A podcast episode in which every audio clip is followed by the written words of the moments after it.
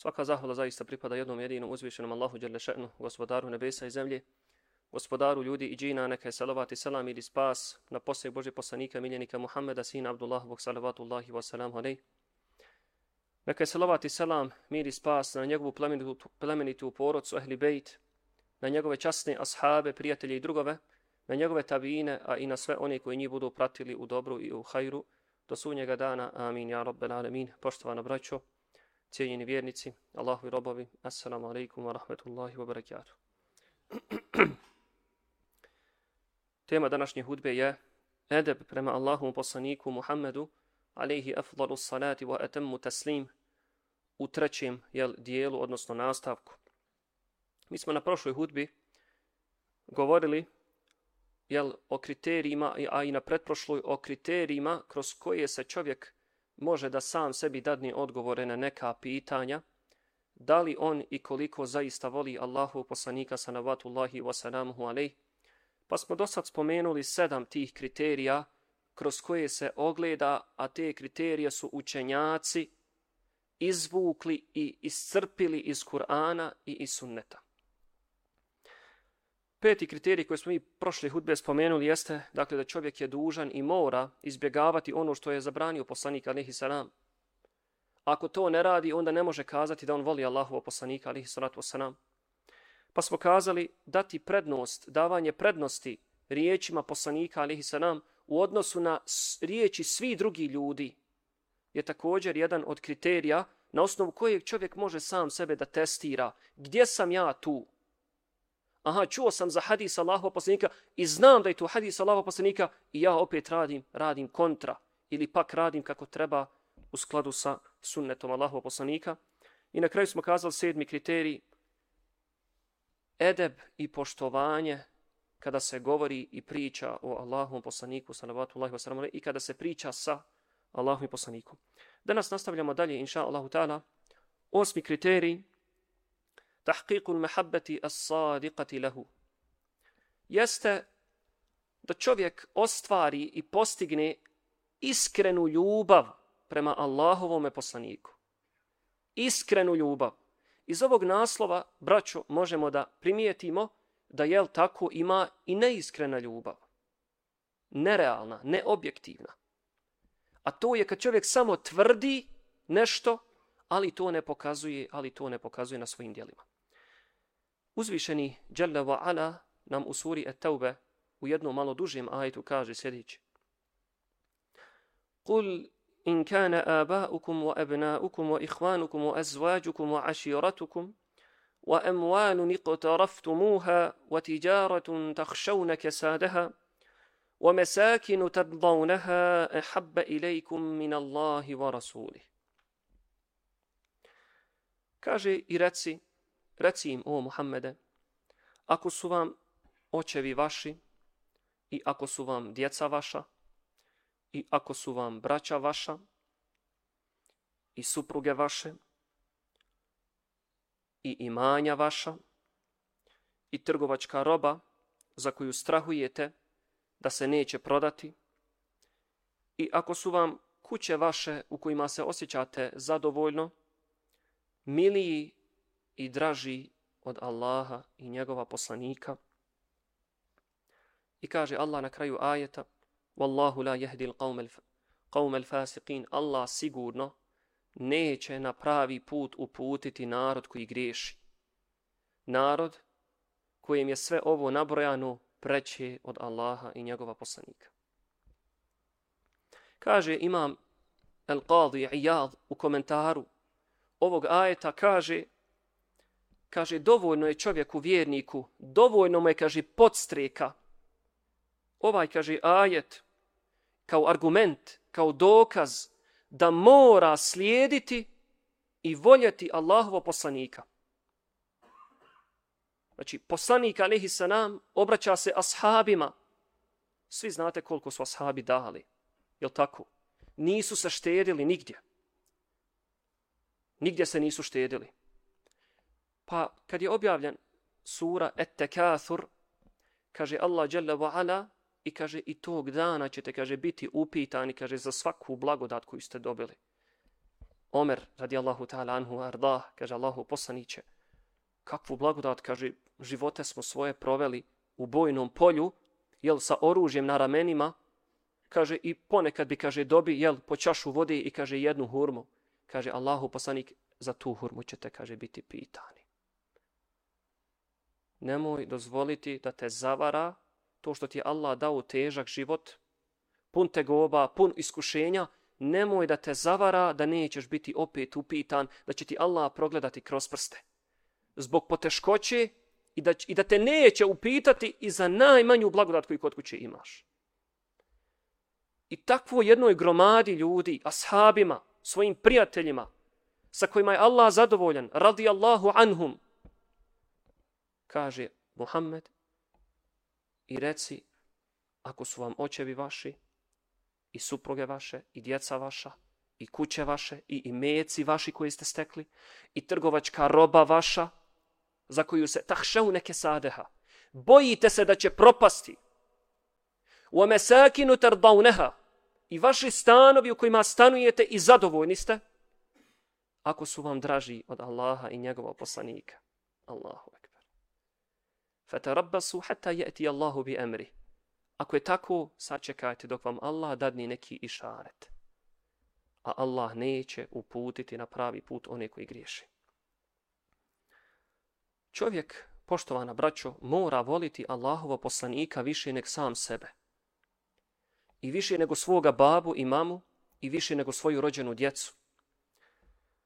Od Enesa se prenosi da poslanik Islama, Muhammed alihi salam, rekao La yu'minu ahadukum. Neće niko od vas povjerovati istinskim vjerovanjem hatta ekune. Sve dok mu ja ne budem ehabba ilaihi min walidihi wa waladihi wa nasi ajma'in. Sve dok mu ja ne budem draži i voljeniji od njegovih roditelja od njegove djece i svih ljudi na svijetu. Nikada neće povjerovati istinski onaj ko nije na ovom stepenu. Hadis je mutafeku na alejhi bilježi ga šehani, dva imama Buhari i Muslim. U jednoj drugoj predaji, u jednoj velikoj predaji, braćo, radi se o Omeru, radijallahu ta'ala anhu, halifi, emirul mu'minin, koji je razmišljao kao što velika većina nas razmišlja. I pogledajte šta mu je odgovorio poslanik, alihi salam. Kaže Abdullah ibn Hišam, kaže, bili smo sa Allahovim poslanikom, pa je poslanik, alaihi salam, uzeo Omera za ruku. A njemu tada Omer reče, kaže, ja Rasul Allah, o Allahu ke poslaniće, kaže, le ente ehabbu ilaje min kulli še'in illa min nefsi. Uzeo ga poslanik, alaihi salam, za ruku, I njemu kaže Omer radijallahu ta'ala anhu, kaže Allahu poslanić, kaže da dozvoliti nešto kažem. Stvarno si, kaže ti meni, kaže draži od svega, kaže na svijetu, osim, kaže od mene samog. Allahu akbar. Draži si mi, kaže, od svega na svijetu, min kulli šej, od svega, od svega i svačega. Illa min nefsi, osim, kaže, od mene. Ono, ne može mi biti od mene, draži. To je bila ta prva neka, jel, na prvu, ta neka reakcija. Kaže njemu poslanik, alaihi salam, La walladhi nafsi bi yadihi hatta akuna ahabba ilayka min nafsik. Kaže ne, Omere, tako mi onoga u čijoj ruci je moja duša. Ne, kažu učenjaci, nisi upotpunio iman između zagrada, jel šta je pisac da rekli između zagrada, kažu učenjaci hadijske nauke, ne, Omere, nisi upotpunio iman dok ti ja ne budem draži od tebe samog. I kažu učenjaci u komentaru ovog hadisa, Omer je, kaže on, da se malo, malo je se probudio, pa je razmišljao i rekao je, fa innahu al-an wallahi la anta ahabbu ilayya min nafsi kaže E sad je, kaže, nadošlo Allahu, poslaniće, kaže, tako mi Allaha, kaže, draži se mi i od mene samog. Na što bi poslanik, alihi salam, rekao, el an, ja Umar, kaže, eh, sada, Omere. Kažu učenjaci između zagrada, eh, sada si upotpunio vjerovanje o Omere. E sada si pravi istinski vjernik. Sada. a prije toga nisi bio. Hadis bježi imam Buhari. Kažu komentatori ovog hadisa, između ostalog Hattabi, kaže čovjekova ljubav prema samome sebi je, kaže, prirodna. Prirodna i podrazumijeva se. Ali, kaže, čovjekova ljubav prema drugome nije prirodna i nije urođena, nego dolazi posredstvom. Moraš primijetiti u tom nekome nešto zbog čega ćeš ga zavoljeti. Nema, ništa se ne podrazumijeva. Jedino se dakle podrazumijeva da čovjek voli sam sebe. Ali drugoga mora ga voljeti putem nekih veza. Da li voliš roditelje zato što su ti roditelji? I čovjek, jel, ubijeđen sam da ima i takvi ljudi, kad bi realno sagledali svoje roditelje, da im nisu roditelji, ono, ne bi nikad poželio da ikad u životu sreu. Dakle, voliš roditelje jer su ti roditelji. Voliš djecu jer su tvoja djeca, tvoja krv. Voliš Hanumu, neko je vidio u Hanumi ljepotu, neko je vidio vjeru pa je zato zavolio, neko je vidio porijeklo pa zato. Neko je vidio kilogram pudera i šminke pa zato pa poslije došlo ispade strašilo i tako dalje. Znači, poslanik Ali nam je rekao da ženu udaju četiri stvari. Ljepota, vjera, porijeklo i imetak. I ko je šta prepoznao u djevojci, zato ju je i oženio. Ali šta ste primijetili? U svim ovim slučajevima čovjek voli drugoga zbog određene veze, zbog određenog posredstva. I kažu učenjaci, Omer je ovdje na prvu tako reagovao, jer ljubav prema čovjeku se podrazumijeva. Ali onda kad je stao i malo razmislio šta dobija od poslanika, da se spašava vatri džehendemske zbog ljubavi prema poslaniku, onda je rekao, kaže Allahu poslaniće, jel, drugim riječima, pogriješio sam. Nismo se razumjeli. Allahu poslanik mi je, kaže, tako mi Allaha, draži si mi, kaže, od mene, od mene samog. Kaže Ibn Battal komentar komentaru ovog hadisa, kaže, ovaj hadis ima značenje, Men istakmel imane anima enne haqqa nabiji akadu alejhi min haqqi abihi. Kaže, onaj koji je zaista, zaista koji je upotpunio svoje vjerovanje. Kaže, na osnovu ovog hadisa, on će, kaže, razumjeti da je poslanikovo pravo kod njega veće nego pravo njegovog babi i mami, njegove djece, njegovih supruga ili supruge i svi ljudi na svijetu. Zašto? Pa samo te poslanik Ali Sana može spasiti na sudnjem danu putem svoga šefata. Kaže Jalla wa Ala, jevme je firru mar'u min ahihi. I tog strašnog dana, kada se budu računi polagali, kaže čovjek će da pobjegne od brata svoga wa ummihi wa abihi čovjek će da pobjegne od majke i od babi. wa sahibatihi wa benihi. kaže čovjek će Allah kaže i čovjek će da pobjegne i od svoje supruge i od svoje djece i kaže tog dana čovjeku pripada samo ono što je zaslužio i uradio tvoj babo te neće poznavati tvoja majka te neće poznavati ćeš ti poznavati svoga babu i svoju mamu i svoju djecu, ni djeca tebe. Ko te može spasiti? Tvoje pravo vjerovanje. I možete spasiti da dođe poslanik alihi salam i da se zauzme za tebe, ako mu Allah dozvoli da se zauzme za tebe. Dva su uslova da bi se poslanik alihi salam mogao zauzeti za tebe. Prvi uslov je da imaš kredita, da se slijedio sunnete poslanika alihi salam, da imaš ušte teorije da pričamo o nekakvom šefatu i drugi uslov da Allah bude zadovoljan sa zauzimanjem poslanika za tebe. Možda poslanik ali se nam htjedni da se zauzme, ali Allah mu to ne dozvoli. Uvijek učimo jel ajetul kursiju i u ajetul kursi ima ajetu kojim Allah dželle ala kaže i niko se neće zauzeti ni za koga illa bi izni osim uz izun, uz dozvolu gospodara svjetova.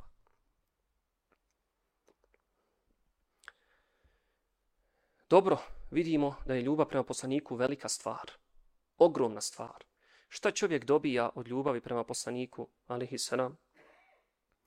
Enes prenosi da je neki čovjek došao kod poslanika i upitao ga meta esa, kada mi reci, kaže Allahu poslaniće, kaže, kad je sudnji dan? Kada je sudnji čas? Trenutak odluke? Kaže poslanika, ne se nam, وَمَاذَا اَعْدَدْتَ لَهَا A šta si ti kad pripremio za taj dan? Šta si pripremio? Pa pitaš. Kaže, la še'e illi enni uhibbu, uhibbu Allah wa rasulahu. Kaže, Allahu poslaniće, kaže, nisam ništa pripremio posebno, osim, kaže, što volim Allaha i njegova poslanika. Ništa kad nisam pripremio. Nešto posebno, ekstra, što bi smio garantovati da će biti primljeno od Allaha džannavala. Kaže njemu poslanik, ali sram, ente me'amen ahbebte. Znaj da ćeš na sudnjem danu biti sa onim koga si volio i koga voliš. Allaha dželle ala radi. Ne radi interesa, braćo, nemojte pogrešno shvatiti ovaj hadis. Onaj koga, koga si Allaha radi volio, e s njim ćeš, kaže, biti na sudnjem danu. Kaže Enes, koji je prenio ovaj hadis, kaže, nismo se nikad obradovali nečim kao ovim, kaže, riječima Allahova poslanika. Ente ma men ahbebte. Bićeš sa onim koga si volio. I tada reče Enes, fa inni uhibbu nebi, sallallahu alaihi wasallam. Ja zaista volim vjerovjesnika, sallallahu alaihi wasallam. Wa Eba Bekrin, i volim Ebu Bekra, wa Umar, i Omera, وأرجو أن an معهم بحبي bi hubbi iyahum i nadam se da ću biti sa njima zbog moje ljubavi prema njima. Iako nisam u dijelima poput njih. Nisam ni blizu. Oni su bolji od mene, nadmašili me. Ali molim Allaha da me proživi sa njima. Jer ih volim, Allaha radi. To su ljudi koji radi za džemad, za islam, za zajednicu. Mi ćemo biti uglavnom na sudnjem danu. Globalno govorimo sa onima koji prave štele, koji prave veze, koji mogu progurati dijete na fakultet iako nije zaslužilo, koji mogu srediti posao. Iako malo realno pogledate, to su uglavnom, to su uglavnom osobe, Allah dragi zna gdje će biti. Allah dragi zna gdje će biti. I zato neka svak sebi postavi pitanje, nek se preispita u kakvom se miljevu krećeš. Ko su ti najbliži oko tebe? Jesu to ljudi koje Allah voli i koji voli Allaha? I šta zapravo voli i koliko voli? Preispitajmo se, braćo, ko su to oni? Enes ibn Malik u drugom hadisu kaže Thalathun man kunna fihi wajada bihinna halavat iman Kaže tri stvari koje se nađu kod čovjeka zaista će osjetiti slast imana osjetit će slast u prsima, u srcu. Kaže prvo, en je kun Allahu wa rasuluhu ehabbe ilaihi mimma siwahuma. Da mu Allah i njegov poslanik budu draži i voljeniji od svega drugog mimo njih dvoje. Od svega. Ovo je teško pitanje na testu koji će doći sigurno. Prvo pitanje na testu ahiretskom namaz I jedno od tih pitanja, samo ne znamo pod kojim redoslijedom će biti srce i detektor laži, je li tvoje srce voljelo Allaha i poslanika više od svega ili nije. Drugo, drugi znak preko kojeg čovjek može da postigne slast imana, kaže poslanik وَأَنْ يُحِبَّ الْمَرْأَ لَا يُحِبُّهُ إِلَّا لِلَّهِ da čovjek zavoli drugog čovjeka samo radi Allaha. Znači da ti je neko drag samo zato što je džamijski insan, što klanja, što posti, što je svugdje na Allahovom putu, širi hajrate, radi dobra djela i samo zato. Nikakvog interesa. Znači, kad bi to od njega oduzeo, on bi bio u tvojim očima čovjek s kojim ti nikad u životu ne bi posjedio. Jer ne imaš od njega apsolutno nikakvog interesa. Ako tako i zbog toga voliš nekoga, e, onda to je dobar znak. I treća stvar, kaže poslanik alihi salam, وَأَنْ يَكْرَهَ أَنْ يَعُودَ فِي الْكُفْرِ كَمَا يَكْرَهُ أَنْ يُقْذَفَ فِي النَّارِ Jeste da čovjek kojim Allah podari uputu nakon nevjerstva, kaže da mrzi, da se vrati u nevjerstvo kao što čovjek mrzi da ga neko baci u vatru. Dakle, ljudi koji se pokajali, pokajali i vratili Allahu dželle ve ukoliko toliko preziru da se vrati nazad, porocima koji su ostavili alkohol, droga, kocka, kamata,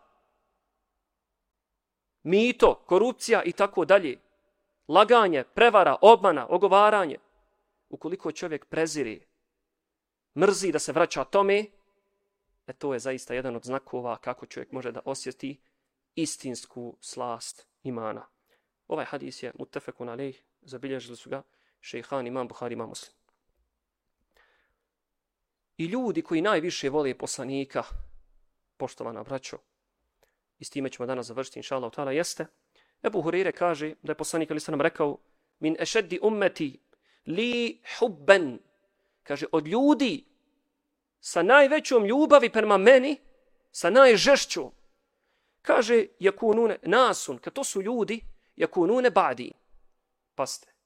To su, kaže, ljudi koji će doći nakon mene.